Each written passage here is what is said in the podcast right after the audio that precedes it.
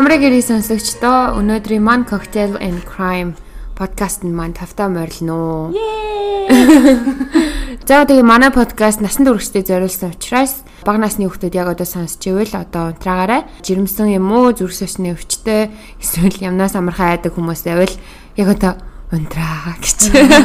Яг юм ярих чи. Тий сонсож болно л доо. Гэхдээ тэгээ дараа нь бит хоёрыг мухай юм сонсууллаа гэд байваа гэж. Ихтэй ер нь бол амар хөнгөн ярьдаг.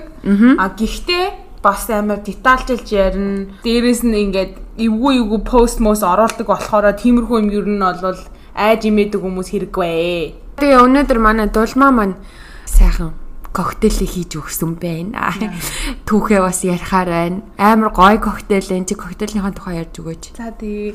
Өнөөдрийн коктейлээр би Malibu Sunset буюу Malibu-гийн нар жаргалт гэдэг нэртэй тийм коктейл сонгосон байгаа. Энэ коктейл нь болохоор аим хийхэд өстой маш амархан 300 зүйл ордог. Malibu rum орно. Хамборгоцооны жуус.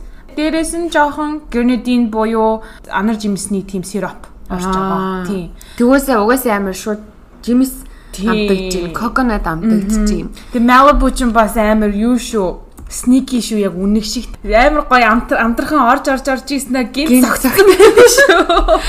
Тэгээд энийг туршиж ууж уухаар шийдэх юм бол манайхаа болгоомжтойгаараа анхааруулсан шүү. Хөрөөлч хэрэглээрээ. Хөрөөлч хэрэглээрээ. Арал санагдуулсан. Тийм байна. Өстой 70 дээр гівчих тоо юм. Тим юм бодож одоо карантинд орсон хүмүүс чинь одоо тим юм хийж чадахгүй юм чинь бодож мөрөөдөж юм хийхээс өөр яах вэ тийм ээ? Аа за тийм коктейл хийсэн байна. За хэнийг ярих гадал нууж хаагаад зүгээр амар байгаад байна. Австри улсын Амстеден гэдэг хотод болсон. Бас нэг ойлгоход нэг амар яг хөө нэг адармаатай биш хэрнээ зүгээр ингээд сонссны дараа бүр бүр яагаад арайчтэй гэж бодогдохоор тийм хэргийн тухай ярих гэж байгаа. За энэ хэргийн гол дүр бол Elizabeth Fritzl гэдэг охин байгаа. Аа за Тэр 1966 онд Австри улсын Амстеден гих жижигхэн хотод төрсэн байгаа. Аа тэгээ түүний гэр бүлийн тухай бас баг зэрэг дуртахад аав ээж нь Joseph Fritzl болон Rosemary Fritzl тэр хоёр хоорондоо суухт аав нь 21-тэй ээж нь 17 настай байсан. Бүр ингээд насаараа ер нь бол хамт байсан тийм хоёр хүн байгаа. Elizabeth болохоор 7 хүүхдийн дөрөвтг нь болж Joseph and Rosemary хоёрд ирсэн байгаа. Түүний төрөг удаагүй байхад төдний гэр бүл Amsterdam хотын төв рүү нүүж амьдарсан бүр одоо downtown хотын төв. Тэгээ түүний эцэг нь болохоор ийм цахилгааны инженер боловч үл хөдлөх хөрөнгийн бизнесээр ер нь ихэнх орлогоо олдог байсан. А тэгээ ер нь бол хүн болгон мэддэг, нийгмийн сайн нэгэн иргэн байсан. Бас ингээд нийгмийн итгэвхтэй тэр жижигхэн хотоороо машинаа бариа явж байхад таарлцсан хүн болгоно ингэж дадлдаг байсан гэдэг байгаа. Тийм амир нэртэй ер нь бол дайггүй хүн байсан гэдэг жаа. А гэхдээ гэртээ ирэхээрээ шал өөр хүн болдог байсан гэдэг. Эцэг нь одоо Йосеф Фрицл гэдэг хүн байгаа гэртээ ирэхээрээ Йосеф ингээд амар тийм маш захирангуй зантай. Тэгээ эхнэр нь юу ч хийлч чаддгүй. Ер нь бол ингээд нөхрийнхөө үгэнд орцсон. Нөгөө долоон хүүхд додод занчхан ч юу юм. Гэхдээ бол ер нь бол үг хэлээр амар хүчрхийлдэг байсан. Ингээд гээл за. Тэгээ бүхэл юм одоо гэрт болж байгаа бүхэл юмыг Йосеф шийддэг. Хүүхдүүд нь хинтээ найзалж ийн хинтээ гарч ийн те юу хийж ийн гэдгийг Йосеф зөвхөн шийддэг байсан. Түүний хадам ихч болох эхнэрийнх нь ихч Кристин гэдэг эмэгтэй хэлэхдээ Юсуф ер ингээд хүүхдүүдийнхаа ингээд жоохон бахт нь ер нь бол амар тийм найрсаг амар хайртай те. Өстой nice ханддаг байсан. А гівч тэднийг том болоход түүний зан ингээд шал өөр болсон долоон хүүхдээсээ ялангуяа Элизабетыг амар тэгэж дээрлэгдэг байсан гэж онцгойлж дарамтлагдаг байсан гэдэг чаа. Түүнийг ингээд найз банд найз банд байтугай ингээд бүр зүгээр найздайч байдлахыг хүсдэггүй. Хаашаа ч явсан Элизабетыг дагуулж явдаг гэрээс нь гаргадгүй найзууд нь хамт тоглоё гэ гэрт нь хүрээд ирэхээр үгүй Элизабет өнөөдөр тоглохгүй. Та нар ерөөсөө тоглохгүй. Ер нь бол энэ хаваар эргэлтгээ бойлмол гэд Элизабетийг нэг ясандаа одоо хүчрхийлэл шүү дээ тий? Тэгээ ерөөсө гаргаж ташаагаар бүр ингээ өдрийнх нь тэмдэглэлийг нь хүртэл уншиж ингэж бүх юмыг нь ингэж контролддаг байсан гэдэг жбайгаа аахгүй юу. Энэ явдлаас болоод Элизабет сургууль дээрээч гадуур ингээд олонний нүдэд харсан ч гэсэн ингээд зан характер амар өөрчлөгдөж эхэлсэн.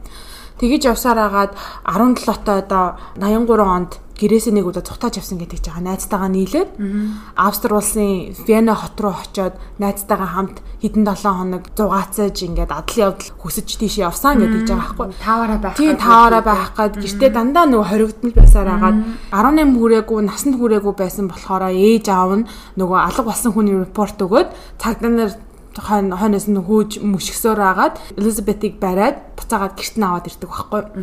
83 онд тийм болж байгаа. Дараа жил буюу 1984 онд Элизабетийн төрсөн өдөр болоод манай охин 18 нас хүрч байгаа аахгүй. 18 нас хүрчээд ингээд би ийм үйлчлэгчийн ийм сургалтанд явж байгаа тэр сургалтаа би ингэ төгсөөд одоо та гараад одоо өөрийнхөө амьдралыг аваад явна гэсэн тийм төлөвлөгөө гаргаад явхаар болдог байхгүй юу? Гэвч үйлчлэгчийнхаа сургалтыг яг төгсгийн даваан дээр 1984 оны 8 сард Элизабет охин гинт гэрээсээ ингээд алга болцсон. Гэрийнхэн ингээ гайхаад ингээ хүн болгоо ингээ гэр бүлийнхэн найз нөхдөд бүгдээр ингээ хайсан гэдэг жаахгүй яагаад ингээ гинт алга болчихвоо гэх. Хэдэн 7 хоногийн дараа Элизабет охиноос захаа ирсэн байгаа байхгүй тэр захаанда Элизабет бичгтээ надад битгий санаа зовоо. Та нартай амьдарч исэн амьдралаасаа би ингээм амар залхаж байна. Би ингээд culted нэгдэн орсон байгаа гэж хэлсэн. А нь болохоор ингээд шашны одоо нэг тийм буруу урсгал Тэгээ нэг шашин руу бүр туйлширсан, буруу руу туйлширсан тим имийг бол ер нь cult гэдэг тэгтэг. Тэгээ би ингээ culted нэгдэж орсон байгаа. Би бол сайн. Та нар санаа зовох хэрэггүй гэдэг захаа явуулсан байгаа байхгүй юу? Тэр захааг ирсний дараа гэр бүл найз нөхөд нь ер нь бол хайхаа болсон. Яагаад гэвэл өмнөх жилд бас ингээд цухтааж исэн болохоор за за энэ нэг мүсэн ингээд бүх амьдралаа хаяад шинээр өөр газар амьдралаа эхлэх гээд ингээд явцсан байна найзууд нь гэр бүл нь хайхаа болсон гэдэг ч байгаа байхгүй юу. Цагдаа нар ар гэрийнх нь харилцаа ээж автагаа ямар байсан хүмүүсээс ингээд мэдүүлэг энэ дээр аваад автагаа жоохон эвгүй байсан гэсэн ч ихсэндэ бодит ямар ч нотлохоо байгаагүй учраас за за амьдралаа шинээр эхлэхээ явцсан юм байна гэд төд бодлохоо түүний кейсийг хаасан байгаа. 84 онд Элизабет алга болчлоо тий. 2008 оны 4 4 сарын 19-нд нэг юм хачирхалтай юм болсон байгаа байхгүй юу? За 19 настай Kirsten гэдэг охин бүр маш туранхай бүр ингээд эрдэс бодис бүр ингээд ямин димээр тутцсан бүр ингээд харваас өвчтэй цөлтэй охин эмнэлэгт хүргэгдэж ирсэн байгаа. Тэр охин ингээд бүр элэг бөөрийн дутагдaltaй 19 настай гэхэд 19 настай биш харагдсан. За Тэгээ бүр ингээд тэр охин сая сэхэнд орсон гэдэг жбайгаа байхгүй. Сэхэнд ороод бүр тийм амар бүр өвчтэй ирсэн. Татаж ундаг эмчнэр нь түүнийг ингээд яагаад өвдчихв уучныхаа шалтгааныг олох гээд эмчилгээг нь зөв бас ингээд тааруулах гээд трийг нь олохгүй байсан болохоор өчний түүхийг хайж эхэлсэн. Энэ Kirsten гэдэг охин иргэний бүртгэлээр хайсан чинь ямар ч бүртгэл аахгүй төрсний гэрчлэгэж аахгүй иргэний үнэмч аахгүй сошиал тэ ямар ч тийм даатгал маатгал юу ч байхгүй ер нь хүн байхгүй гэдэг тийм юм гарч ирсэн. Охиныг эмнэлэг тавьчихсан эрэгтэй хүн болох охины өвөө нь би байна. Энэ ингээд манай зээ охин байгаамаа За тэгвэл та ингээд өвчнийхэн түүхийг мэдэх үү? Нөхцөл байдал амар хэцүү байна. Мэдих бүх юмаа ингээд хилээд хэчээ гэдгсэн чинь амар ундууцсан ингээд асуух асуулт хариулахгүй ингээд сонин авир ингээд хатаргатай ингээд нэг юм асуунгууд нэг хариулсан ч үгүй хариулаач үгүй те нэг тийм сонин зан характер гаргасан гэдэг жиж байгаа. Зандраад зүгээр л миний зээ охиныг эмчлээтгэе. Та нар өөр юу асуугаад байгаа. Зүгээр л эмчлээтгэх гэ. Эмчнэр тэгсэн чинь үгүй эн чинь яагаад ингэсэн юм бэ? Бас эмчилгээ хийхэд чинь бас өвчтний түүх бас амар чухал байд юм аа тий. Идэж уусан юм, урд нь юу юу тусч исэн, ямар вакцин хийлгсэн ч юм уу тий. Тэрнээс ахуулаад ингээд хэрэгтэй байд юм аа Гэтэ үн чинь ямар ч мэдээлэл өгөхгүй болонгууд нэмчнэр нь жоохон ингэ сэжиглээд яагаад ингэ зээ охиных нь амийг аварч чадах мэдээллийг ингэ өгөхгүй байгааг нэмчнэр гайхаад ингэ сэжиглээд цагдаад мэдгдсэн гэдэг байгаа аахгүй. Нэг 30 битүүлэг хүн ингэ нэг эмхтэн хүнийг авчичаад ингэж байна. Цагдаа нар тэр эрэгтэй хин гэдгийг мэдгээд шоконд орсон гэж байгаа. Яаж шоконд орсон бэ гэсэн чинь 24 жилийн өмнө алга болсон Элизабет охины аав Йосеф Фрицл байсан байгаа гэж байгаа байхгүй юу. Урд цагтаагийн хэрэг үүссэн байсан шүү дээ. Нөгөө Йосефэд алга болоод нөгөө нэг орон нутгийн цагтаа ингээ гайхаад. Тэгээ Йосеф асуусан гэдэг жаа байхгүй. 24 жилийн өмнө бүр ор сургаггүй алга болсон хүний хүүхдийг танд яагаад байгаа юм бэ? Та яаж зээ охин олж авсан гэдэг гисэн чинь Йосеф өөрөө хэлэхдээ Elizabeth Kirsten-ыг манай гэрийн үүдэн дээр өнөө өглөө 2008 оны 4 сарын 19-нд өнөө өглөө манай үүдэн дээр нэг зурвастай орхичихсан байсан. Тэгээ зурвасыг нь уншихад дотор нь миний охин өвдчихсөн. Би түүнийг асарч хамгаалж чадахгүй учраас та нар асраарай та хоёрын зээ охин чинь шүү хариуцлага шүү гуйжин гэсэн зурвастай үлдсэн байсан. Тийм учраас би ингээд зээ охин авчирсан. Тийм болохоор би ингээд ямар ч өвчтний түүх мүхийг нь би мэдэхгүй байна. Ийм л охин гарн дээр ирсэн ингээд. Гоо цагдаа нар итгэж байгаа байхгүй юу? Яагаад гэвэл алга болцсон үгүй. 19-нд имлэгт ирлээ. Тэр охин би ингээ өвцөөр агаад имчилгээ авч чадахгүй байсаар агаа комд орчдөг байхгүй юу? Комд орлоо 2 хоногийн дараа 21-нд нь. Тэгээ комд орсны дараа эмчнэрийн сандралтангуудаа бүр ингээд цагдаа нартай нийлээд байж болох бүх юма хэрэглэе. Одоо энэ охины ээжийг нь олж авъя. Одоо энэ Элизабет л ер нь энэ охины тухай мэдх юм байна, өвчтөний түүхийг мэдх юм байна гэд орон нутгийнхаа оройны мэдээгээр гардаг байхгүй юу. Тэгээ тэр нь болохоор тэр тасгийнх нь эмч охины ээж буюу Элизабетийг бид нэр 90 сурвалжилж байна. Чиний охин чинь эмнэлэгт ингээ хэцүү байна. Оншигийн тогтоогоод ингийг нь өөх гэсэн бодовч биднэрт боломж алгаа. Хэрвээ чи охиныгаа аврахыг хүсэх юм бол гуйжийн эмнэлэгт хурж ирээ зүгээр биднэрт мэдээлэл өгөөтгөө. Мэдээгээр цацддаг байхгүй юу. Мэдээгээр гарсны үр ашиг 5 хоногийн дараа гарсан. Яасан гэсэн чи 24 жил бүр ингээ ор сураагүй бүр таг алга болцсон колтод орсон байсан. Элизабет бүсгүй эмнэлэг дээр эцэг Жозефтайгаа хамт хүрээд ирдэг байхгүй юу? Наа чи миний охин байна. Би одоо ингээд туслая гэд. За охины чинь өвчний түүх юу вэ? Ямар вакцин илж ийсэн? Юу мэдэх вэ? гэж асуухад Элизабет бүр ямар ч мэдээлэл өгөөгүй. Гэхдээ эмчнэрт анзаарчихсан юм нь юу бүр маш их айж имээсэн ингээд нэг юм одоо хүн чанга дуунаас цочиж мочоо нэг тийм амар сонин характер гаргасан гэдэг жаа аахгүй бас нэг шоконд оруулсан юм нь болохоор Элизабет алга болохдоо 18 настай байсан. 24 жилийн дараа гарч ирэх тэр чинь одоо 42 настай гэдэг гэсэн үг шүү дээ. Тэгээд 42 настай боловч бараг 60 настай эмгэн шиг харагдсан гэдэг жбайгаа байхгүй. Бүүр ингээд туранхаа ингээд айрс мэрсэн унцсан. Тэгээ ер нь бол ингээд амар тийм цонкор сувилтай царайтай ер нь охинтойгоо ижилхэн бараг бараг хөвтжимаар тийм царайтай харагдсан гэдэг. Инженер ингээд Элизабетээс ингээд охиныхон тухай асууж байхад биеийн хилэмж мэдрээд something's wrong те нэг л юм болохгүй нэг л юм буруу байна энэ гэгээд эмчнэр цагдаа нарыг дутсан гэдэг жаа байхгүй. За ийм ийм юм хэрэг болоо нөгөө хүн чинь ингээ ингээ гараад ирлээ. Гэхдээ Элизабет ийм сонин сонин сонин характер гаргаад байна. Та нар ер нь оролцсон дээр юм байна гэж цагдаа нарыг дутсан гэдэг жбайгаа байхгүй. За тэгээд охины тухай ямар ч мэдээлэл өгөхгүй Элизабет Йосеф хоёр болчихж байгаа тий. Тэр хоёрыг цагдаагийн хилцэц рүү дагуулж яваад мэдүүлэг авахар болж байгаа байхгүй. За ингээд хэргийн одоо бүр хамаг явцсан надаа гарч ирэнд Элизабетээс мэдүүлэг авахд тэр ихлээд бүр юу ч хэлээгүй. Бүх юмыг нь асуугаад ах чи хэлэхгүй байхад нь мөрдөгч нь бүр сүултээ ингээ харгаа арай. За одоо чи ингээд үннээ хэлэхгүй болвол Кирснийг хууль бусаар хорж хүний ирэхэд халтсан гэдгээр чамайг шоронд хийн шүү гэд тальт ингээд сүрдүүлсэн гэдэг жаа байхгүй. 5 цаг гармын дараа Элизабет ингээд аргаа арай. За окей. Надад эцэгтэй эцэгтэй минь намайг дахиж хизээж уулзуулахгүй гэж амал тэгвэл би бүх хүннээ хэлье гэж хэлсэн гэдэг. Яа би тэг уншиж чаддаг бүр амар уур үзсэн. Яана. Мэдүүлгээ эхлэхэд түүний хамгийн түрүүнд хэлсэн зүйл бол та нар та нар одоо миний хэлэх бүх юмд ерөөсөө итгэхгүй гэж би бодож байна. Бүр амар үнэхээр итгэмээргүй юм болсон. Тэгээ яасан бэ гэсэн чинь 1984 онд буюу 24 жилийн өмнө гэрээсээ зүхтааж колтод нэгдээгүй харин миний эцэг болох Йосеф Фрицел намайг байрныхаа доор байрах зойронд хүчээр байлгаж байсан. Oh my god. 24 жил. 24 жил. 24 жил. Тэгээ нөгөө бусад 6 хүүхэд нь яасан? Йосефино? Тэ мэддэг юм. Нүггүй. Юу ч мдээгүй тэд нар. Oh my god. Тийм. Тэгээ тэд нарыг ингээд яг жоох юу ярьчлаа. Эртцээ ярьчлаа. Гэтэ тэд нар бол ямар ч тийм ярилцлага мэрилцлага өгөхийг хүсээгүй. Аа. Юу ч өгөөгүй байлаа намайг хүчээр байлгадаг байсан гэдэг чинь. За тэгээд яаж яваад ингээд Йосефийн гарт орчваа гэтгсэн чинь 1984 оны 8 сард нь Йосеф Элизабетийг байрныхаа доор барьж байсан зойрыг дууссан. Харин одоо хаалгыг л тогтоох хэрэгтэй байна. Чи надад туслаад өгөөч гэд тусламж гуйсан гэдэг жбайгаа байхгүй.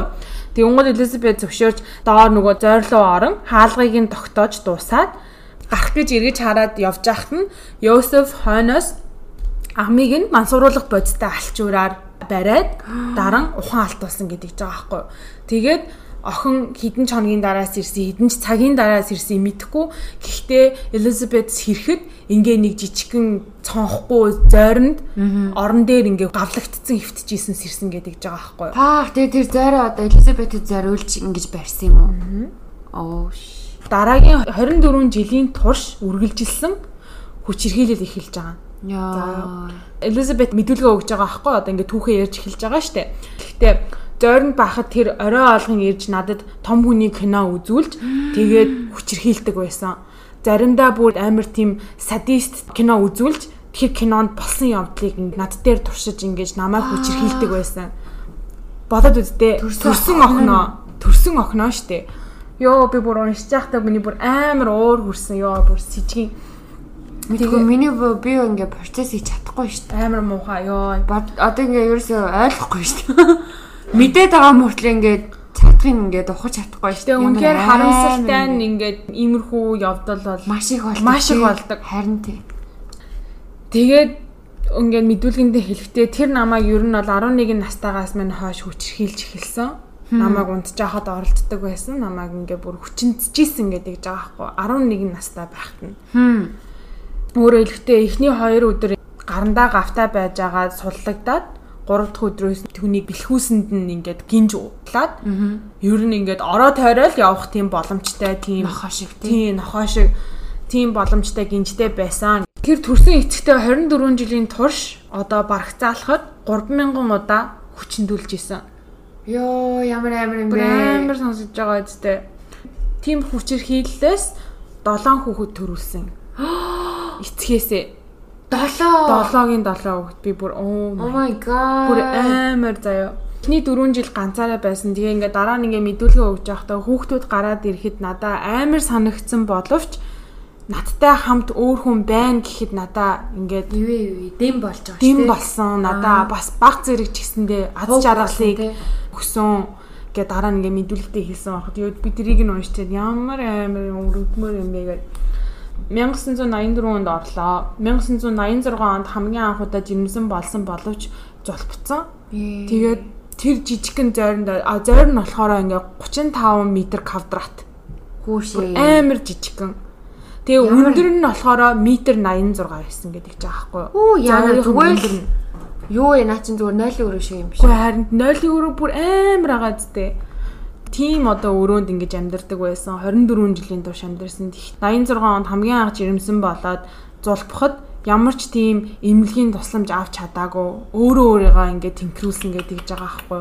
Зурбат нь хүртэл Йосефч байгаагүй. Юу ч туслаагүй. Долоон хүүхэд яаж гарсан бэ гэхээр 88 онд түүний хамгийн том охин нөгөө эмнэлэгт хүргэж ирсэн, Kirsten төрсөн.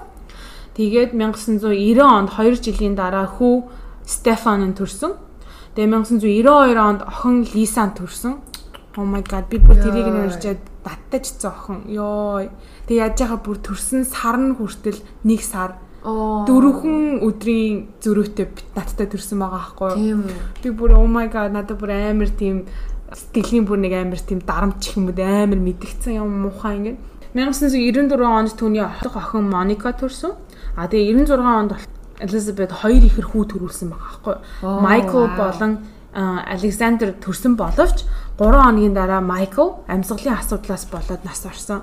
Тэгээ дараа нь ингээд одоо шүүх хурал мурал болоход хэрвээ Майкл зүгээр энгийн хүүхэд төрөөд эмнэлэгт очсон бол тэгээ ямар ч асуудалгүй өсөж торних бойжих боломжтой байсан. Аа. Тэгээ ингээд ямар ч эмнэлгийн тусламж аваагүй. Эмнэлгийн тусламж аваагүй цонгоч байхгүй тийм одоо зөөр шүү дээ. Зөөр гэдэг чинь.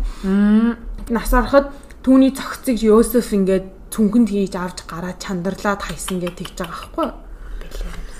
Йоо. Тэгээд 96 онд хоёр ихэр хүү гаргасны дараа 2002 онд хамгийн бага хүү болох Феликс төрсэн байгаа. Тэгээ ингээд 7-гийн 7 хүүхэдтэй.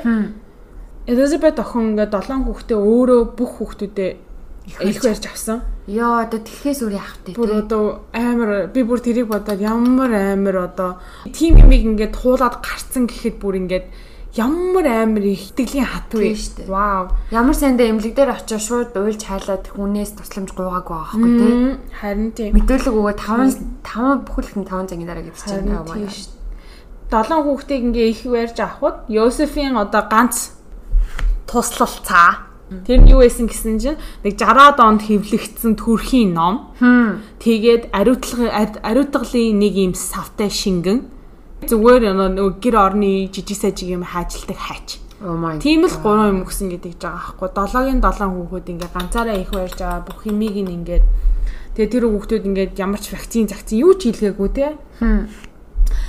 Тэгээд долоон хүүхдээс 3 нь болохоор ингээд зойрны дээр байсан Элизабетийн гэр бүлтэй ах дүүстэй ээж автаа ингээ хамт амьдардаг байсан гэдэг жаа байхгүй.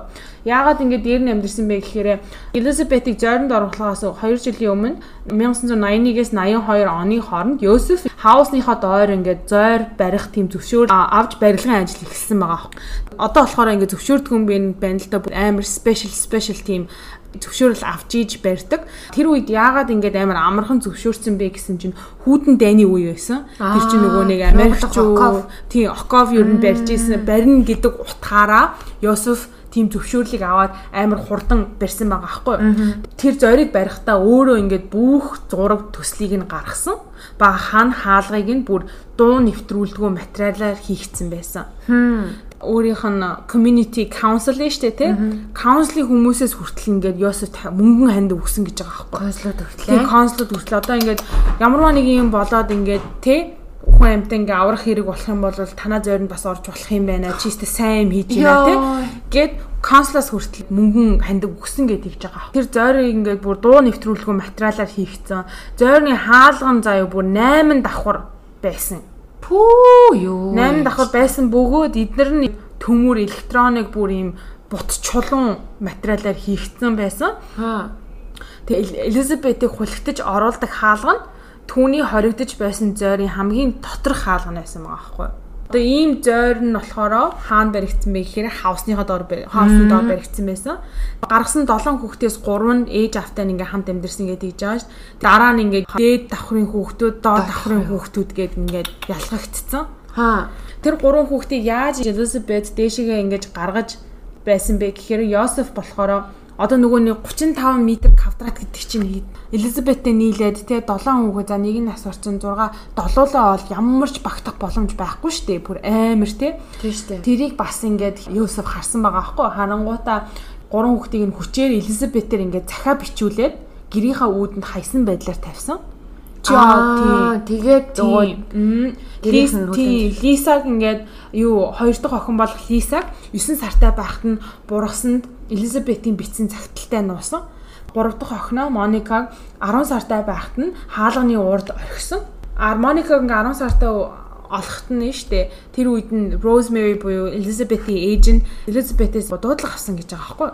Тэгээд тэр дуудлаганд ерөөсөө хай бай май гэж юу ч хэлээгүй. Зүгээр л хэлсэн юм нь болохоор миний охиныг хаад чандаж яваарай, гуйж ийн гэж хэлээд уцаа тассан гэдэг байгаа байхгүй. Тэгээд Rosemary тэр явдлыг ингээд цагдаад мэдгдсэн. Тэгээ учир нь яагаад гэвэл дөнгөж тэр утасныхаа дугаарыг дөнгөж шинээр тавьсан. Одоо 90-ад онд чинь юу Европтой Америкийн лавлах ном. Тим номонд бичгдээчгүй байсан шив шин дугаарыг яаж олвоо? Цагдаад ингээд алга ус охиныхоо тухай хэлсэн. Гэхдээ ингээд тэр нь юунд хүрч чадаагүй. Яагаад гэвэл ямар ч тийм нотлох байранд байхгүй. Дараа нь шүүхтэр дуудагдаад ингээд бүх юмын учрыг нь олоход Элизабетийг тэгж хилүүлээд хоолойг нь бичингуудаа Йосеф зал гэрлүү залангуудаа тэр битсэн хоолойг нь тоглуулсан гэдэг жаа байхгүй. Тийм тийм учраас ээж нь юуроосаа хай май гэж яхад юуроос сайн уу мэн үү гэж яхад ямар ч хариу өгөөгүй зүгээр л миний охиныг харж хандж яваарай л гэж хэлсэн гэдэг жаа байхгүй. За тэгээд хоёр ихэр хүүхдийнх нь Майкл нь өөд болцсон төрөөд 3 хоноод ой 5 сартай байхад нь ихрийн өрөөсөн Александрыг бас гэрийн үүдэнд олцсон. Тэгээд энэ гурван хүүхэд гуруулаа олтоход хин олсон гэж Аа, вана олсон. Өөр хин олох үү? Йосеф олсон байгаа байхгүй. Элизабет хүүхдэд дахиад очиж ингээ хайчиж гээл те амар худлаа их нэртэй итгүүлсэн гэдэг ихийн Элизабет ингээ явж агаад 9 жид юм хүн амтантаа унтч мунтаад ингээ хүүхдтэй болцсон юм шиг байна. Одоо энэ бол яаж ботсон те бит хоёрын мах цусны тасархаа учраас бит хоёр одоо ингээд харж хамгаалах ёстой мостой ингээд эхнэр нь бас ингээд юусоо юу ч өөдөөс нь хилдэггүй хизээж Юсефос юм асуудгүй хэлсэн юм болгон үг болгоныг нь дагдаг тийм эмэгтэй байсан. Тэг хэлсээр нь аа за тэгсэн юм байна гэл. Тэгээ тэр гурван хүүхдийн хуулиар тогтогцсон асран хамгаалагч нь болж байгаа байхгүй. Одоо өөрийнх нь одоо зээ хүүхдүүд штэ. Аа өөрийнх нь хүүхдүүд бас өөрийнх нь зээ хүүхдүүд. Харин наа чи амар очоор амар заан байгаа. Яг юу ч юу юу ч юм те. Харин те. За тэгээд Йосефийн эхнэр болон түүний хүүхдүүд яагаад Elizabeth-ийг доор байгааг мдээгүй нэгдүгээр дугаасаа амар захирингуй байсан. Гэрийн эзэн, гэрийн тэрхтөл гоологч гэдэг утгаараа ер нь амар дарамтлагдаг байсан. Зорилго орохоос өмнө байдаг байсан Йосефинийг жижигхэн өрөө байд. Тэр нь болохоор ингээ ажлын өрөө 9 шидийн тийм нөгөө нэг цахилгаан махилгааныхаа юмыг ингээ тавьсан 9 шидийн жижиг юм дээр ажилладаг байсан. Тэр өрөөнд нь хинч орох хориотой байсан. А тэгээ хаалга нь бүр юм коттой. Хм. Йосеф Йосефос өөр хүн орж чадахгүй түүнийг ажиллаа хийж явах цаад маад болохт нь ургуу байдаг. Тэгээд ингээд хүүхдүүд мөхдөд ихнэрээ амир загиндаг байсан болохоор ихнэр хүүхдүүд айцсан. Түн цадаа болдоггүй байсан гэдэг жбайгаа байхгүй.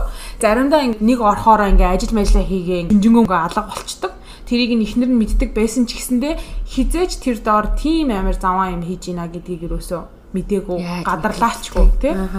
За Элизабет Йосефийн ингээ хамгийн хүнд хэцүүг амссан хохирогч боловч Харамсалтай нь Элизабет анхны хохирогч биш.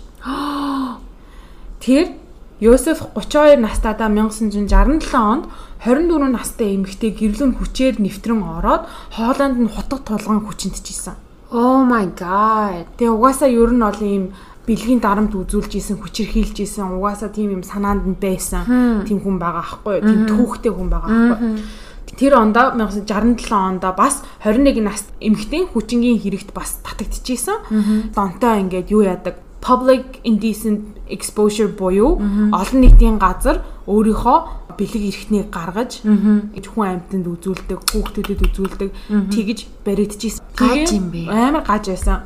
Тэгсэн мөртлөө бас тийм амар донтой юм болж ах чинь би бас ойлгоогүй одоо тэдний амьдрдаг хотынх нь яагаад мдээгүй юм тий. Тийм тий. Яагаад ингээд анзаараагүй юм бүр амар сонин санагдсан.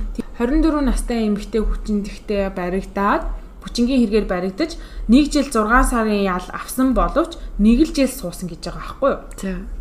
Гэтэ яхаар хүчингийн хэрэгт ганцхан жил суулаа тий. Мэдхгүй. Одоо Австри улсын л одоо юу хууль жоон цорхотой тийм. Тэгээ хууль үнэхээр бол цорхотой юм билээ. Одоо ингээл бит хоёрын ярьж байгаа гинт хэрэгүүд хараад ахад бас амар хүмүүс цорхог ашиглаж байгаа байхгүй тий.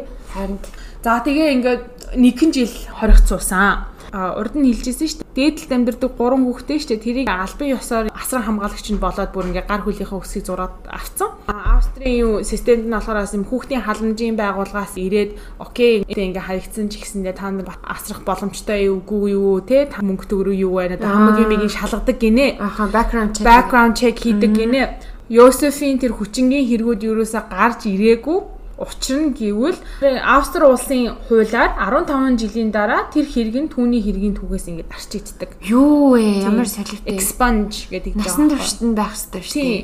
Ялангуяа ийм бэлгийн хүчээр хийлэлч юм бол насан турштай байх хэрэгтэй. Тэр бол давтагддаг асуудал байхгүй юу? Тийм, давтагддаг. Тэгтэл Австрийн хуулийн цоорхон тэр байгаа байхгүй юу? 15 жилийн дараа арчигдсан байсан. Тэгээд одоо нөгөө гурван өөрийнх нь хүүхэд бас зээ хүүхэд нь ирэхэд 25 жил өнгөрцөн байсан хэрэг болсноос хойш. Тийм болохоор ямар ч асуудал байхгүй тэр хүүхдүүдийг өгсөн байгаа байхгүй. Хоо мэдээлэл байхгүй. Яг үнэндээ тэр бас тэр хүүхдүүдийг хүчрхийлсэн ч юм уу? Бас өөрийнхөө бусад охтуудыг хүчрхийлсэн ч юм уу? Хэн мэдхгүй хэн мэдхүүдээ тий. Чадна штэ тэр бол. Миний бодлоор одоо түүний гимт хэргийн түүхийг ингээд мэдэж байсан бол нэгт зөвшөөрөөгүй тий. Нэгт зөвшөөрөөгүй байсан бол хоёрт ингээд бас Элизабетийн хэргийг бас илүү шалгах байсан болов. Тийм штэ тий. Хэлээ гэж бодсон ийм балиар хэрэг болсон. 2009 оны 3 сарын 16-нд одоо энэ 11 жилийн өмнө шүү дээ. 11 жил гэдэг урт хугацаа гэхдээ бас саяхан шүү дээ энэ ч одоо. Түүний шүүх хурал эхэлсэн байгаа. 3 хоногийн дараа иргэний төлөөлөл шийдвэрт хүрч 74 настай түүнийг насаараа хоригдох ял өгсөн. Болж. Тэгвэл нэг юм нь 15 жилийн дараа даван залдах боломжтой гэж хэлсэн. Австри улсын юу тийм байд юм уу хөлн? Тийм л юм байна. Харин Австри улсын Oh my god. Яагаад Давсад амьддаг Монгол хүн байна уу? Та нар нэг юм хэлээч. Шийдэж өгөөч. I know. Яа. Ямар сони энэ тэгтээ. Тийм. Тэгтээ ингээ бас бодоод үзэхээр бас манай Монголчлын хууль бас л яаж манай Монголын хууль торхоо шүү дээ. Аха. Би л Америктай л харьцуулаад уур ураад байна л да. Монголтой л ярих юм байхгүй шүү дээ. Харин бүр бүр гахсан. За тэгээ бас нэг сонин сонин юм хэл. Шүүх хурлын явцаж Йосеф өөрийгөө өмгөөлж иргэний төлөөлөлт наашт ингээд өөрөө өөрийгөө өрөвдүүлэх юм уу тийм маягаар хэлсэн юм нь бол би сонин хэвлэлийн хэлж байгаа шиг аратан биш ээ. Яагаад та нар намайг ингээ амар аратан гээд байгаа юм бэ? би ингээд Элизабетийг хүүхдүүдтэй ингээд доор нь байх чинь би зул сараар би тэдэнд гацуур аваачиж өгдөг байсан шүү дээ. Яа, хуцчаа шүү. гэж хэлж байгаа байхгүй юу? Би бүр за тоглоод байгаа юм уу? Харин тийм хинээ хинээр чи юу юу яах гэлэх яах. Амар уур юусэн юу? Би тэдэнд ном тоглоом өгдөг байсан. Би яг хэнийг дарамжлаад байгаа юм бэ? Харин тийм Elizabeth-д хүртэл би цэцэг аваачиж өгдөг байсан. Та нар тэрийг бодох хэрэгтэй. Би тийм араатан биш. Араатан хүн цэцэг аваачиж өгөх үү? my No. Сэтгэл мэдрэлийн өвчтөе өөрөө өөрөө дүүрсэн narcissistic, sociopath, psychopath тийм юм хийдэг байхгүй юу? Нөө чиний ярьж исэн жөөрийн шиг л гарна шүү дээ. Яа, ёстой. Яагаад чи Элизабетийг ингээ хорих болсон бэ гэсэн чинь би Элизабетийг хамгаалж байсан. Би хамгаалах гэж оролцсон. Тэгээ яагаад нөгөө санжин нөгөө Элизабетийг гаргалдгүй, оролдгүй, найз залуутай байж дурггүй, хүн амьтантай нийлүүлгүй. Би хэрвээ түүнийг ингэж хорж хамгаалаагүй бол бүр хамгаалаагүй гэж хэлсэн заа. Түүнийг хорж хамгаалаагүй бол тэр арих хар тамхинд орж амьдралаа алдах байсан. Би түүний амьдралыг харин аварсан Oh энэ байдлаараа гэрт нь хороогүй чи бүр зойронд оруулаад ягаа хүч хийлээд бүр 7-гийн 7 хүүхдийг чинь гаргацсан байна гэд. Тэгэхэд би энийг бол хэлж мэдэхгүй байна. Би буруу гэдгийг нь мэддэг байсан. Гэхдээ би яагаад ингэснээ мэдэхгүй байна.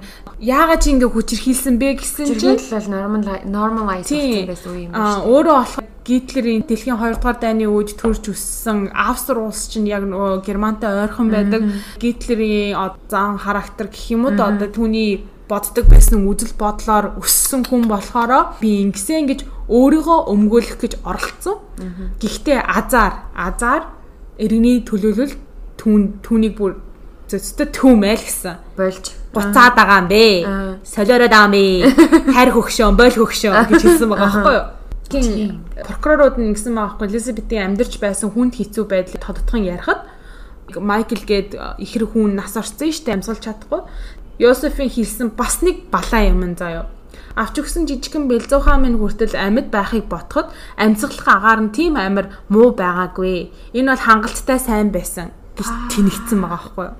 Өөрийгөө өмгөөлөх гэж. хэлэх үг үнэхээр алдахгүй байна.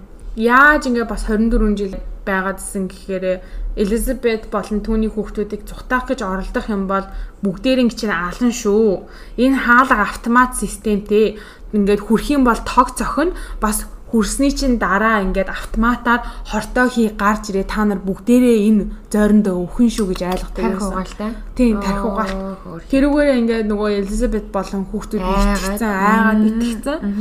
Заримдаа Элизабет ингээд дургу хийгсэн юмыг нь хийхгүй тэг хүчрхийлэлд нь автах эсэргүүцэл үзүүлэх үед тэр хидийг тогийн тастаад бүр 4 5 6 7 хондуулдаг байсан гэж байгаа байхгүй. Ямар ч гэрэлгүй Тэгээ хоол унд яах юм? Элизабет дараа нь мэдүүлэхдээ хэлэхдээ а, тэр үед нь хөрөгчин унтар хөрөгчин байхгүй болохоор хамаг хоол унд хайлаад урсаад муудаад ингээд байхгүй болчдөг байсан. Эхний хэдэн хоног нь байгаа хамаг юмаа идэж мэдээд сүүл рүүгээ ингээд баг үлсгэлэн байдаг байсан гэдэг. Амар Амар амар юм бэ. За ингээд шүүх хурал дээр бас өөрөө өөрийгөө өмөрч нэг хэлсэн юм нь болох ээжийнхаа тухай ярьсан байгаа байхгүй. Аав нь бага ах нас орсон. Тэгээ ээж хороо Йосефийг ингээ ганцаар ингээ өсгсөн гэдэг жбайгаа байхгүй. Хамгийн анх шүүх хурал дээр за энэ хүн яагаад ийм хэрэг хийчвэ гэл хүмүүс чинь ингээ бод болох бүхэл асуултыг тавьж тэ байж болох бүхэл байдлаас нь хардсан шүү дээ. Тэр үед Эхлээд ингээ ар гэрийнхаа байдлын тухай асуугаад ээжигээ өстө маш сайн эмэгтэй байсан. Ингээ намайг ганцаараа өсгсөн ч гэсэндээ үнэхээр хийх юмаа хийсэн. А тэгэхээр загнах үедээ загнаг байсан. Тэр бол зөвхөн сайн эмэгтэй байсан гэж хэлж ийсэн. А гэтэл хэрэг өөрөөс нь холдоод ирэхтэн нэ штэ өөрөөгөө ингээд өрөвдүүлэх гэж ээжигээ муулж эхэлсэн гэж байхгүй юу хэлсэн бэ гэхээр түүний ээж Мария, Мария Фрицел гэдэг эмэгтэй байсан. Тэгээ Мария ингээ жоохон бахт намайг ингээ маш их зодож хүчирхийлдэг. Тэр болсон хүүхдийн хүчирхийлэн штэ бас зодох чинь. Амар зоддог байсан. Нэг өдөр нэг удаа бүр ээжтэй бүр амар зодуулаад ухаан алдаж унаад сэрхтээ ингээд цус гарцсан цусандаа холилдсон хөвтчихсэн гэж ээжийнхаа тухай ярьж эхэлж байгаа хгүй Йосеф. Тэгээ Йосефийг ингээ жоохон бахт чи бол сатан. Чи бол муу хүн, чи бол сатаны үр сад. Би чамааг угаасаа чөтгөр гэдгийг чи мэдчихин зэдчихин. Тэр улмаасаа ингэж хүчирхийлж зоддог байсан гэж Йосеф дурдсан байгаа байхгүй юу? Бахтан зодож ийсэн нь том болоод өсвөр насныхан болоод ирэнгуут үг хэлээр амар дайралт хийж ингэж хүчирхийлдэг байсан ээж нь. Йосефийн хэлснээр тэр бол үнэн худлааг нь одоо мэдэхгүй шүү дээ. Йосефийн хэлснээр Тэгээд 1950 онд өөрөө хаус аваад Rosemaryтэй суугаад тусдаа гарсан ахгүй 21-тэй илүү 22-тай ах та. Тусдаа гараад ингээ гэр бүлтэйгээ амьдрахтаа ээжигээ хажуудаа авсан гэдэг гэж байгаа. За. Ээжигээ хажуугаа аваад ингээд байж захтаа нөгөө баг бахтаа амсдаг байсан хүчирхийллийг баг багаар ээж руугаа өгч эхэлсэн. Окей. ээжигээ дарангуулж ингээд дээрлэхэж эхэлсэн. Нэг өсөндөө бол ээжээсээ хариугаа авсан гэдэг гэж байгаа байхгүй баг бахтан дээрлэхт нь. Төд удалгүй гэрт нь ороод одоо 59 онд хамт нүүж ороод төд удалгүй яас хуршүүдтэй хэлэхдээ өө манай ээж өнгөрцөн штэ саяхан өнгөрцөн гэж хэлсэн байгаа байхгүй гисэн боловч өөрөө дараа нь хэлсэн заяа. Ээжигээ дээврийнхээ өрөөнд нь цонхыг нь топигаар хаагаад хаалгыг нь гаднаас нь цоожил үхтэл нь хорсон. Ямар амар юм бэ? Бүр хаусныхаа хамгийн дээдлийн өрөөнд Ямар сони юм бэ? Тэг гэрийнх нь мэддэггүй юм уу? Харин тэгээ гэрийнхнийгаа бас амар дарангуулдаг юм хэлэх юм бол алан шүү гэдэг л ер нь дүрмтэй байсан юм шиг байгаа. Тэгээ гадуур гарахаараа нэг л сайхан ирд нөгөө нэг ажиллаа хийдэг бизнесээ хийдэг.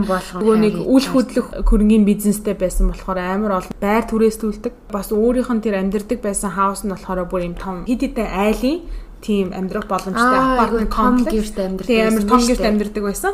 Тэгээд нөгөө хуршүүд мөршүүдтэй байсан гэдэг жаахгүй. Тэгээ өөрөө болохоор лендлорд нь тийм тийм байсан байгаа. Тэгээ ингээд ээж нь болохоор яг officially нөгөө үхлийн сертификат нь шүү дээ. Тэрэн дээр болохоор 1980 онд нас барсан.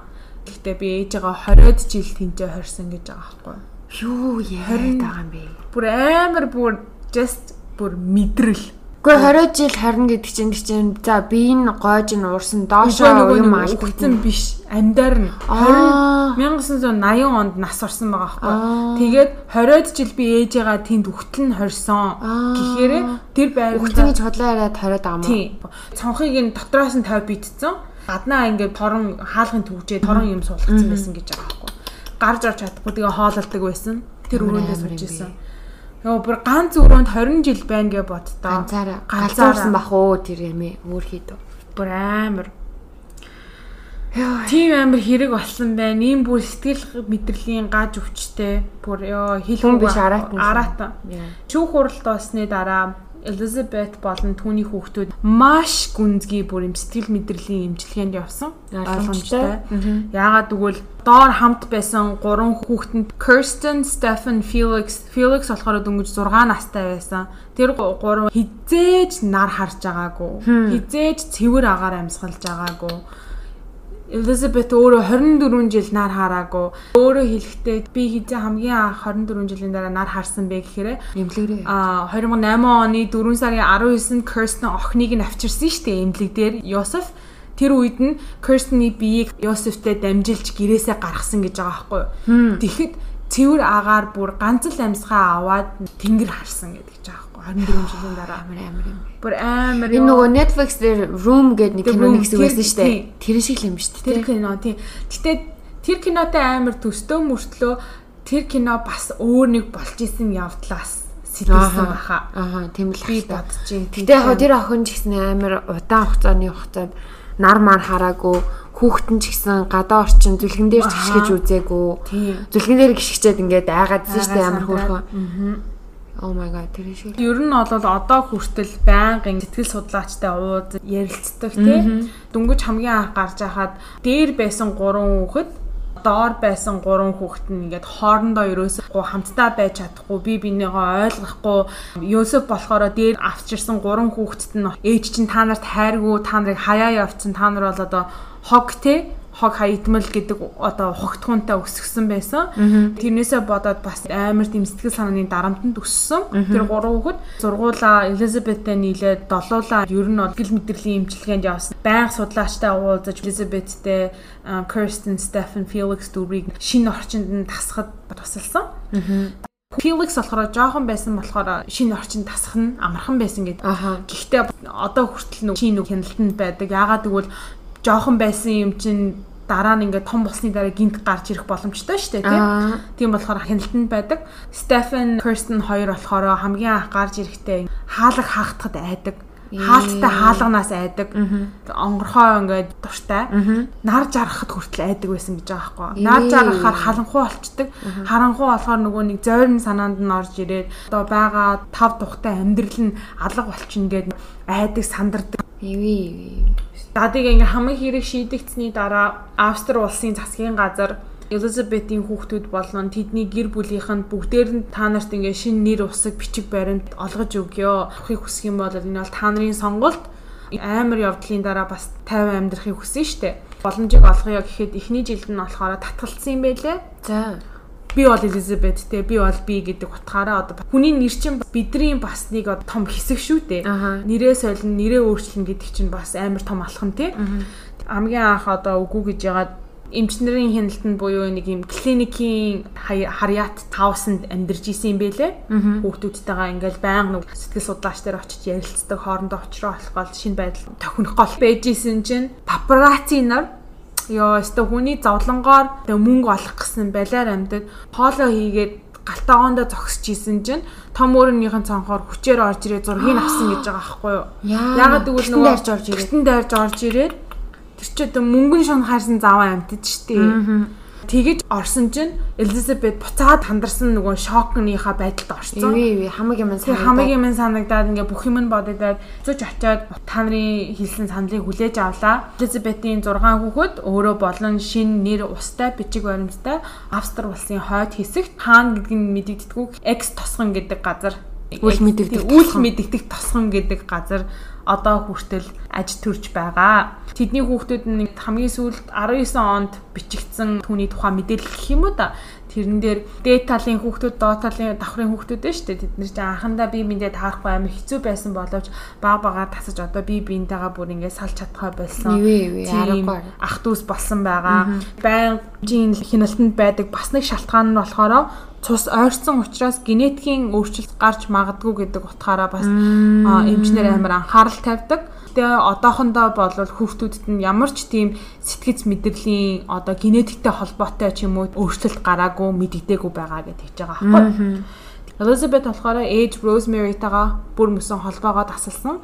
Яагаад гэвэл тэр хоёр их судлаач нар очиод хамт ингээ ярихад нь юу ч мдээгүй, би юу ч мдээгүй гэж хэлэхэд Elizabeth-ийг жоохон ундууцлыг хүргэсэн гэж. Яагаад гэвэл та анханасаа л надаа анхаарал тавьдгүй байсан. Намайг үгүйсгдэг байсан. Охин чинь ингээ явцсан байхад яагаад анхаарал тавиагүй юм бэ гэдэг дээр амар гомцсон байгаа. Rosemary бол хариулт өгч чадаагүй. Тэрнээсээ болоод тэр хоёр одоо ингээд ямар ч харьцаагүй хэрнээ дээд давхартанд амьдардаг байсан гурван хүүхдээ штэ. Тэр гурав нь болохоор Rosemary-г эмээгээ гэж мэддэг бас дотн өссөн. Тэр гурав нь Rosemary дээр уулздаг гэдэг хийж байгаа байхгүй. Тэдний амьдардаг хаус нь юм тусгай булшаа машаатай хаус барьж өгсөн гэдэг гисэн. Австрийн засгийн газар. Тэдний амьдардаг эдлэн газар одоо хаус нь бүр 24 цагийн CCTV буюу хяналтын камерт байдаг. Тэмдэрдэг гудмынх нь буланд нь заавал 24 цагийн эргүүл байдаг. Тийм папараццигаас болон бас ингээл өөр 9 шидийн хүмүүсээс хамгаалаад тий. Тэрийг одоо уус тавьж өгсөн л. Тийм. уус тавьж өгсөн. Тэгээ одоо одоо хүртэл. Тэдний шин нэр усыг амар хамгаалдаг. Хинч мэдхгүй. Тэдний зураг хөрөгч юу байдаггүй. Сайн биш. Элизабетийн зургийг харах юм бол инстаграм дээр тавьчин тэрнээр ингээд ганцхан зураг байдаг. Тэр нь болохоор 16 наснд авахулж исэн зураг нь л байдаг. Тэрнээс ш ерөөсөө шин зураг ерөөсөө байхгүй. Яг уу яг үнэндээ хайх юм бол бас хаа нэгэн газар байгаа байх. Гэхдээ өөр нэрний доор тийм л хизээч энэ хүүхэн энэ эмгтэй гэж мэдтгэхэргүй байгаа за нэг юм түүх байна. Амар юм аа. Уншихтаа хідэн ч удаа уурлаж компьютер хаав хідэн ч удаа энэ Йосефийг хараа хідэн ч удаа ёо бүр төрсөн охноо гэж отохоор л миний бүр ингээд би тэгтээ бас бодоод ах юм энэ Йосефи хэлсэнчлэн одоо ээж нь үнэхээр тэгэж дарамтлагдаг байсан болоогүй юу? Тэр бол бас маш том фактор шүү дээ. Одоо хоёлынгийн хэрэг болгон дээр гардаг те жоохон бахта юм дарамтанд учирж исэн хүмүүс том болоод юм гаж болчдөг шүү дээ ээж нь үнэхээр тэгдэг байсан болоод ээжээс өвшөө авсан болоо үгүй болоо. Хэрвээ тэгсэн байвал би бас ээжийн буруу тий. Би бол яг 100-ны бол би бол 80% нь үнэн байх гэж би бодож байна. Яагаад гэвэл жирхийлэгч гинт гарч ирдэггүй байхгүй юу? Заал нэг юм байдаг тий. Уул нэг бол техник имплээдэг, нэг бол бага насны дарамт байдаг, нэг бол ар гэрийн нэг тийм юм байдаг дээ. Хүчирхийлэгч бол хизээж гинт гарч ирдэггүй. Энэ бол ямар Хүүхд ч угаасаа л яг цав цагаан цаас төрдөг штеп. Тий, урд нь хүртэл миний ярьж исэн гейси дээр хүртэл тий амар нийгэмд итгэвтэй сайн хүн байсан боловч яагаад тийм болсон гэсэн чинь аав нь зодтдаг байсан тий аав нь дэвлэгдэг байсан. Тэгэхээр одоо хүүхд одоо юу гэдэг манай подкастыг бол бит хоёрын харсан статистикаар бол ихэвчлэн эмэгтэй хүмүүс сонсд юм бэлээ. Охтуудаа хэрвээ хүүхдтэй болвол хэрвээ нөхөртэй нь одоо ямар нэгэн байдлаар хүүхдийг чинь дээрлэхэд байдаг бол зөрөгтэй байж өгөөч ээ гэж. Жохоо одоо юу гэдэг мэдгүй штэ одоо битэрийг ямар хүмүүс сонсоо сууж байгааг мэдгүй тийм үү. Тэгэхээр одоо юу гэдэг хэрвээ ямарваа нэг нэг тэм шинж тэмдэг гарч ирээд нөхөрчин жоохон дарангуулад ч юм уу хүүхдтэй хүүхдтэй ч юм уу тий. Тэ үг яриагаар байдаг ч үү одоо биеэр ч байдаг үү те жоохон дарамтлагдаг болвол анхаараарай хүүхдтэйгээ сайн тулж ажиллаарай. Нэр мэдгүй штэ хаана юу болж байдгийг. Үнэхээр мэдгүй. Тэгээ бид нар чинь ер нь бол монголч гэлтэхүү ингээд Азийн орн чинь ер нь бол эцэг эрэгтэй дээ штэ. Эрэгтэй хүнийг л ер нь бол амар одоо дээдлэх юм юм бэ. Гэтэ эрэгтэй эр хүний ноён нуруу инээ тэрэ монгол эр хүн инээ тэрэ мэрэ гэл тэгдэг. Гэхдээ бэ штэ Монгол эр хүний ноён нуруугаас илүү Монгол эмэгтэй хүний ноён нуруу амар байдаг байхгүй юу? Тэр хоолойгоо ашиглаа. Бити хүнээс ай. Чамд бас юм ярих одоо нэг өөрчлөгдсөн тий? Тий нийгэм өөрчлөгдсөн өөрчлөгдөж байна. Тэр өөрчлөлтийн бас хэсэг нь бид нар шүү. Эмгтээчүүд учраас бид нар дуугарах хэвээр дуугарах хэвээр хэлэх ёстой. Хэлэх юмаа хэлээд бүр хашгирах хэвээр тий. Дугуй суугаад байдаг цаг одоо өнгөрсөн. Хүүхдийн чинь дээрлэж байгаа бол юм хэл. Өөрөө дээрлэхүүлээд байгаа бол юм хэл. Өөрөө эсэргүүцэд хэлж чадахгүй бол дотныхаа хүндээ хэл. Тэр сонсож байгаа дотныхаа хүн нь гуйж ин тэр ярьж байгаа ямиг нь үннээртэй 100%-аар хүн дээр тусгаж аваад ямарваа нэгэн арга хэмжээ аав. Тийш тий. Одоо хүчирхийлэгчийг төрүүлэхөө болёо. Бас хүчирхийлүүлэгчийг бас өсгөхөө болёо. Хилдэг, ярьдаг те үгүй гэж хэлдэг хүмүүсийг өсгий. Хүмүүсийг хүндэтдэг хүмүүсийг өсгий. Ойлгодог те сонсдог байхыг хүсье. За тэгээ хаа ханаа бүгдээрээ хичээцгээе. Тийм ээ.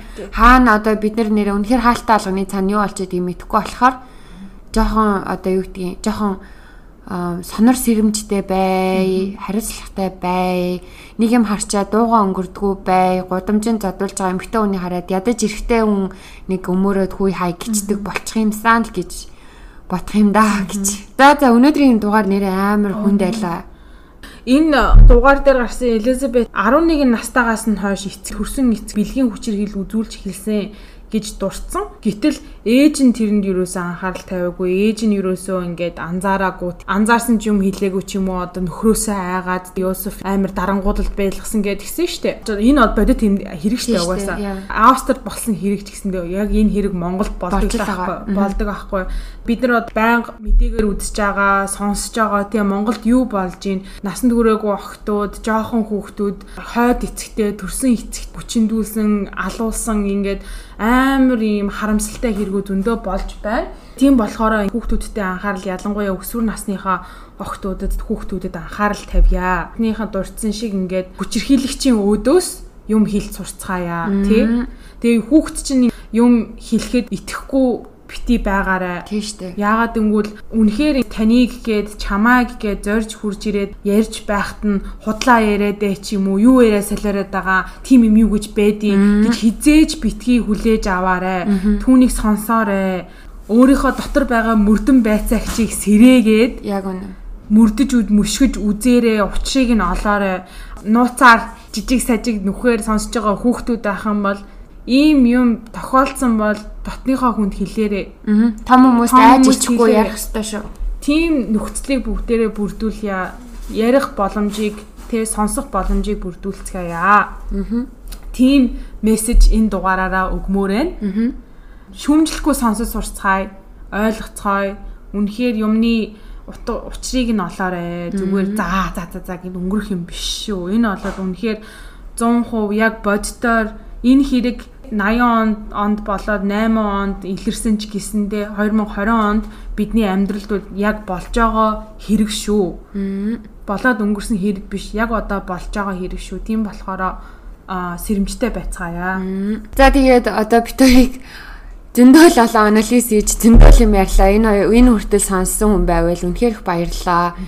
Тэгээд хідүүлээ те бөөнөрөө нийлж байгаа сайхан нийгмийг бүтээхийг хичээцгээе. Одоо угаасаа л бүхэн бид залуу хүмүүсийн гарт байгаа. Тэгэхээр бид нэр өөрсдөө хичээх ёстой шүү. За баярлалаа. Дулмаа минь ямар амар ярьч юу. Зөндөөл зэдв хөндөгдөглөө энэ гэтээ айгүй амар юм байна. Энэ гэхдээ бол энэ удаад зөвхөн хөндөгдөөд өнгөрөх сэдв биш. Яваа яваанда хөндөгдөх сэдв Яагаад гэвэл энэ бол бодит амьдрал учраас. Сонсогчтой үнэхээр их баярлалаа. Нуршсан бол уучлаарай. Subscribe, Instagram, like, share, follow. Share, follow. Нэрэ тоглоомчгүй бит хоёрын подкастыг хүмүүс түгээгээрээ бит хоёр бас ингээд хүмүүс коктейлний тухай заангаа хажуугаар нь бодит хэргийн тухай яриа зөвхөн ингээд хэргийн цуснууж юм муу муухай юмыг нь ярихаараа биш зөвхөн бас ингээд хүмүүс нэг мессеж өгье гэсэн бодолт одоо сонирхолтой ирмэлзэлтэй шүү. Шеэрлээрээ, лайк хийгээрээ, subscribe хийгээрээ. Аа, бас нэг юм санаанд орчлоо. Нөгөө хоёрын сэтгэл дор нэг охин бичсээс ах дугаар алганаараа нэг мессеж хүргүүжээвэл гоё юм шүү гэж бичсэн байсан. Тэгээ яг хоёр бодохдоо одоо энэ бүхнийг ярихад нэг зүй тогтол гарч ирдэг байхгүй юу? Одоо ингээд сонсоод тахад Үнэхээр зүү тогтлон гараад ирдэ. Яг ямар хүмүүс ийм байгаад байна? Ямар учраас ингэж байна тэгээд байна те. Тэр болгоны зүгээр сонсож байгаад хүн болгон ухаантай ялангуяа манай монголчууд ч ухаантай штэ. Ойлгочих байхад энийг бит хоёр нэг тэгэл амар хилээд ах шаардлага байх гэж бодсны үндсэн дээр нь хилдэггүй байхгүй юу. Үнэхээр тгийж хилээсэ гэж хүсэж байгаа бол одоо энэ мэтчил ингээд ярьж. Тэгээ. Окей. За тэгээд ийм байна. Энэ хүртэл сонсон байвал нэрээ үнэхээр баярлалаа. You the MVP. MVP you the goat. За тэгээд дараагийнхаа дугаараар уулзцаая баяртай.